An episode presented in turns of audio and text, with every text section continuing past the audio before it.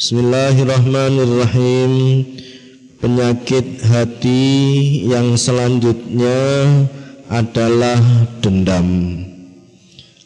Halaman 84 Orang mukmin bukanlah orang yang pendendam. Dendam itu buah dari emosi dan kemarahan kalau dia sebagai orang mukmin, orang yang beriman kepada Allah, orang yang beriman kepada malaikat, orang yang beriman kepada Rasulullah, orang yang beriman kepada hari kiamat, orang yang beriman kepada qada dan qadar yang telah ditentukan oleh Allah, maka orang mukmin itu tidak akan ada mempunyai perasaan dendam dan tidak mempunyai perasaan hasud, tidak mempunyai perasaan dengki, tidak mempunyai perasaan iri. Al mukminu utawi wong mukmin kang sejati laisa iku ora ana sapa mukmin bihakudin iku pendendam kalau engkau mengaku sebagai orang mukmin, maka harus mengikuti definisi orang mukmin. Ciri-ciri orang mukmin itu seperti apa? Di antaranya adalah orang mukmin itu tidaklah pendendam. Kalau dia sebagai orang yang pendendam, maka jelas dia bukan termasuk orang yang mukmin. Qala dawuh Rasulullah Sinan Rasulullah sallallahu alaihi wasallam. Jalla halima kang Allah al mahmudu kang dipuji. Wa innamal mu'minu lan ai mestine orang mukmin lan ai mestine utai wong mukmin laisa iku ora ana sapa mukmin. Bihaqudin iku pendendam. Dendam itu timbul dari kemarahan. Lebih-lebih kalau kemarahan itu timbulnya dari sesuatu yang tidak jelas sesuatu sesuatu yang disyariatkan oleh Allah kok itu dijadikan sebagai sumber kemarahan maka itu bukan termasuk kategori orang yang mukmin. Buah dari dendam. Tadinya emosi tadinya marah Tadinya dia hatinya sakit. Akhirnya membuahkan dendam. Dari dendam itu akan timbul tujuh hal Atau delapan hal.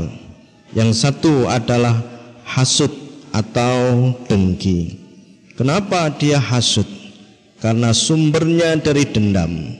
Kenapa dia dendam? Karena sumbernya dari marah Dari sakit hati Sebab dendam kau menyimpan rasa hasut, rasa dengki sehingga kau menginginkan hilangnya kenikmatan yang diperoleh oleh orang yang kau dendami dan kau merasa senang sebab bencana yang menimpa orang yang engkau dendam. Dendam buah dari hasut. Dendam Hasud buah dari dendam. Dendam buah dari kemarahan. Orang mukmin tidaklah orang yang pendendam.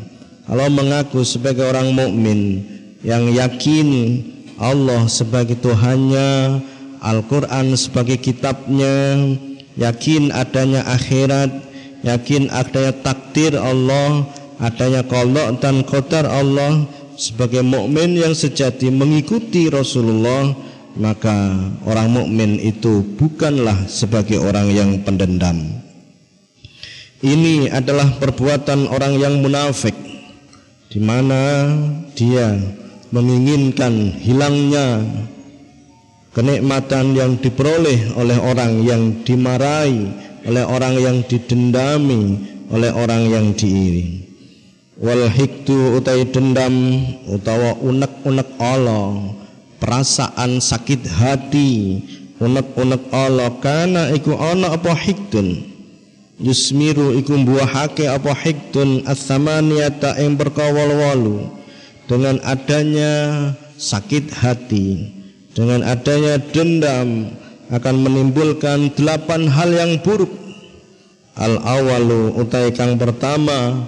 Al hasadu iku dengki di mana dengki itu menghilangkan berbagai macam amal kebaikan. Fattaki mengkau dia siro Allah ing Allah. Mengaku sebagai orang mukmin maka mulai sekarang latihlah untuk hilangkan rasa dendam dendam buah dari kemarahan. Berarti hilangkan rasa marah hilangkan rasa sakit hati. Buah dendam yang kedua kau berpaling darinya karena merendahkannya. Semua apa yang dilakukan oleh orang yang engkau dendam engkau rendahkan engkau su'udhani engkau berpaling dari dirinya tidak mau mengakui sebagai saudara orang Islam.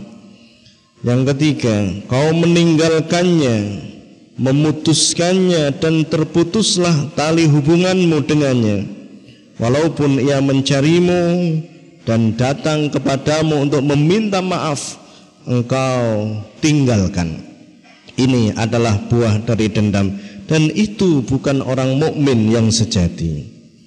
Memang berat bahwa untuk menghilangkan penyakit hati itu berat, tapi bukan berarti tidak bisa. Bahwa hidup di dunia ini adalah ujian untuk mengetahui sejauh mana kekuatan iman seseorang. Mengaku sebagai orang yang beriman tidak begitu saja dibiarkan oleh Allah tanpa ujian. Pasti diuji diuji dengan dihina orang, diuji dengan disakiti orang, diuji dengan dizalimi orang, diuji dengan difitnah orang. Tapi ingat bahwa orang yang dizalimi adalah orang yang sempurna dan orang yang menzalimi itu adalah orang yang tidak sempurna. Buah dari dendam engkau mengfitnahnya. Ini merupakan sesuatu hal yang harus dihindari Kau berbicara mengenai orang yang engkau marahi, mengenai dia dengan apa yang tidak diperbolehkan, seperti berdusta, menggunjing, mengfitnah, mengumpat, menggosip, membuka rahasia orang, merusak tabirnya dan ingat bahwa manusia tidak ada yang sempurna dan sebagainya. Ini buah dari dendam dan ingat orang yang mempunyai dendam ini bukan berarti adalah dia adalah bukan orang yang mukmin. Dia orang yang tidak mukmin. Orang mukmin sejati adalah orang yang tidak pendendam. Rabi'uha utawi nomor papate walu kunta iku ana sira takalam ta iku ngomong sira bima kelawan perkara yahrumu kang haram apa ma? Dengan adanya dendam engkau mengfitnah menghujat mengumpat menggosip menjelek-jelekan orang yang kau dendami yahrumu kang haram apa maming kizbin saking goro wa ghairihi lan yane goro ifhama pahama temenan sapa sira. Nomor lima nomor lima engkau menirukan gayanya, engkau menerikan omongannya, engkau menerikan bicaranya, engkau menerikan lagaknya, tujuannya untuk mentertawakan dan menjeleknya atau mengeceknya, menjelek-jelekan dia. Yang nomor enam, engkau menyakitinya dengan pukulan, dengan ucapan atau dengan sesuatu yang menyakitkan badannya. Yang nomor tujuh, kau tidak memenuhi hak-haknya dari membayar hutang, tidak mau untuk mensilaturahimi lagi, tidak mau untuk menyambung tali persaudaraan atau tidak mau menolongnya tatkala ia teraniaya.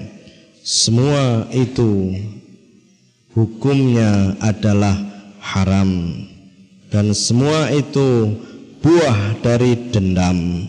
Dan semua itu dendam bersumber dari kemarahan dan sakit hati. Orang mukmin tidaklah orang yang pendendam. Mengaku orang mukmin harus hilangkan rasa sakit hati. Harus hilangkan rasa dendam. Hilangkan rasa iri.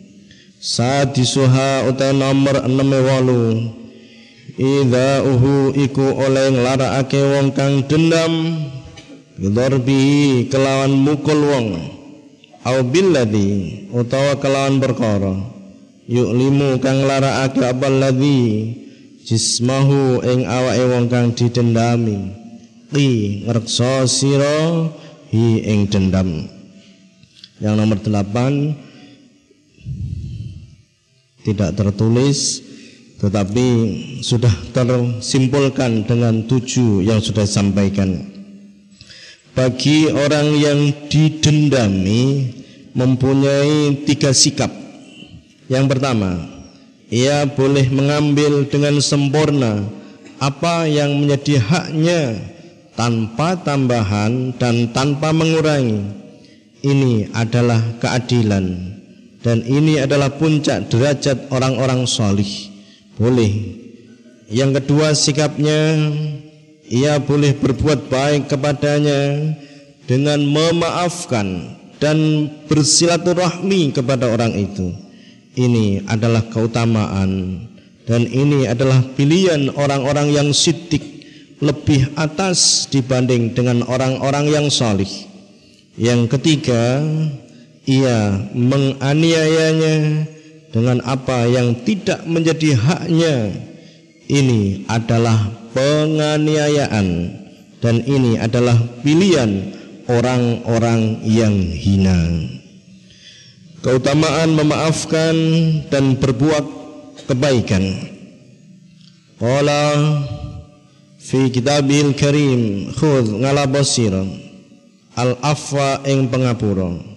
Ambillah ampunan jadikanlah engkau sebagai orang yang pemaaf. Kalau orang yang mempunyai pemaaf sifat pemaaf itu sangat-sangat dicintai oleh Allah. Hatinya seperti hati permata hatinya seperti hati emas yang tidak mempunyai perasaan sakit hati.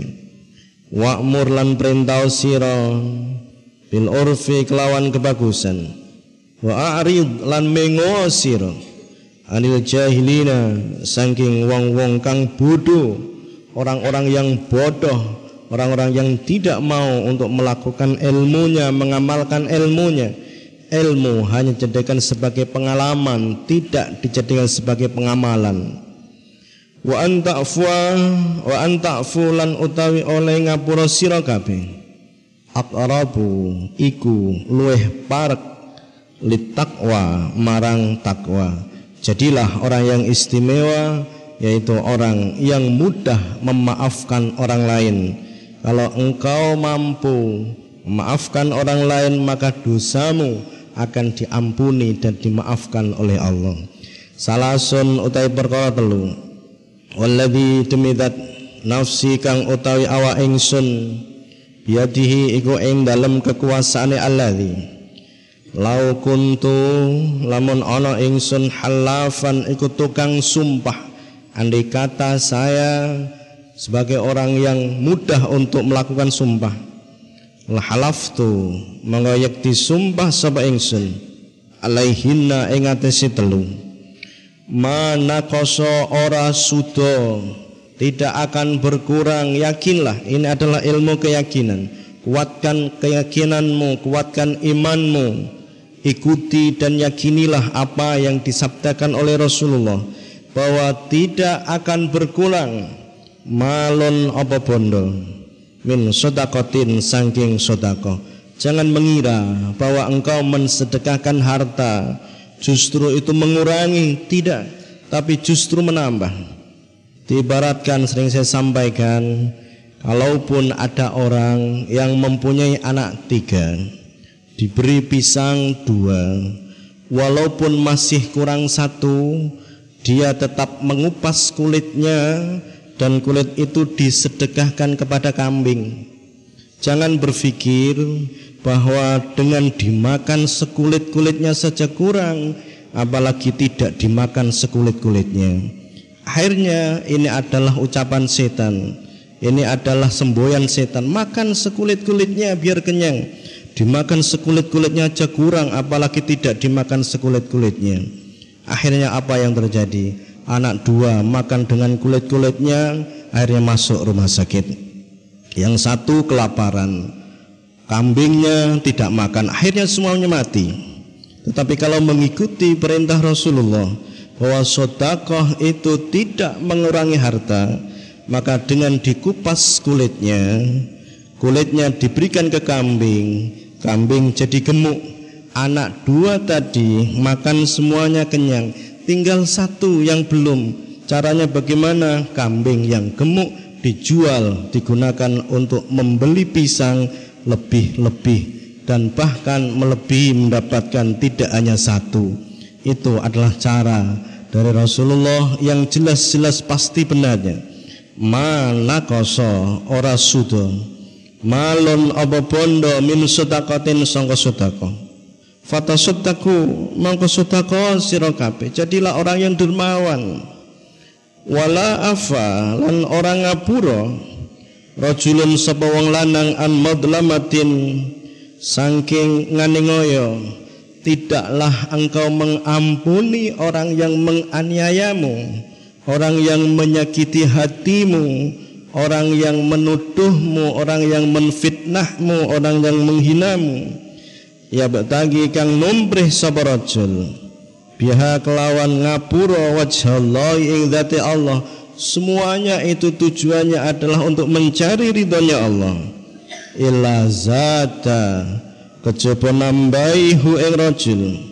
Allah sinten Allah biha sebab pengapura izan ing kemuliaan. Orang yang memberi maaf maka dia akan tambah mulianya di sisi Allah dan tambah mulianya di sisi manusia.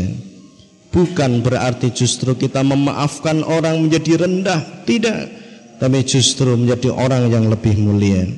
Bahkan kemuliaan itu tidak hanya di manusia tapi besok di hari kiamat yaumal qiyamati yang dalam dino kiamat wala fataha. Lan orang buka. Rajulun sabawang lanang. Ala nafsihi ing awak dhewe rajul. Baba mas'alatin ing pintune njaluk. Kalau orang itu senangnya meminta, orang itu senangnya mengemis, illa fataha kejaba buka. Allahu sunna Allah.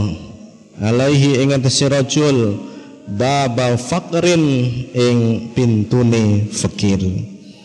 Kala dawuh sinna Rasulullah sallallahu alaihi wasallam wala afa lan orang ngapura.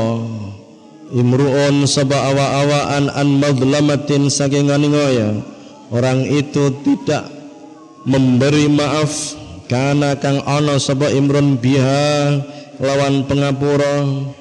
Kati betago teman-teman nombre saba imruun wajallahi ing ing date Allah. Illa yazidu. Kejaba nambahi? Hu ing rajul hu ing imruun biha sebab pengapura. Allahu sunna Allah ala halimur Allah izzan ing kemuliaan. Godan ing dalam besok. Yaumal qiyamati ing dalam dina kiamat. Ikmala temenan sapa sira jadilah orang yang mudah untuk memberi maaf siapa pun dia kalau kita terbiasa untuk memberi maaf orang yang menyakiti kita maka dosa-dosa kita akan diampuni oleh Allah Subhanahu wa taala.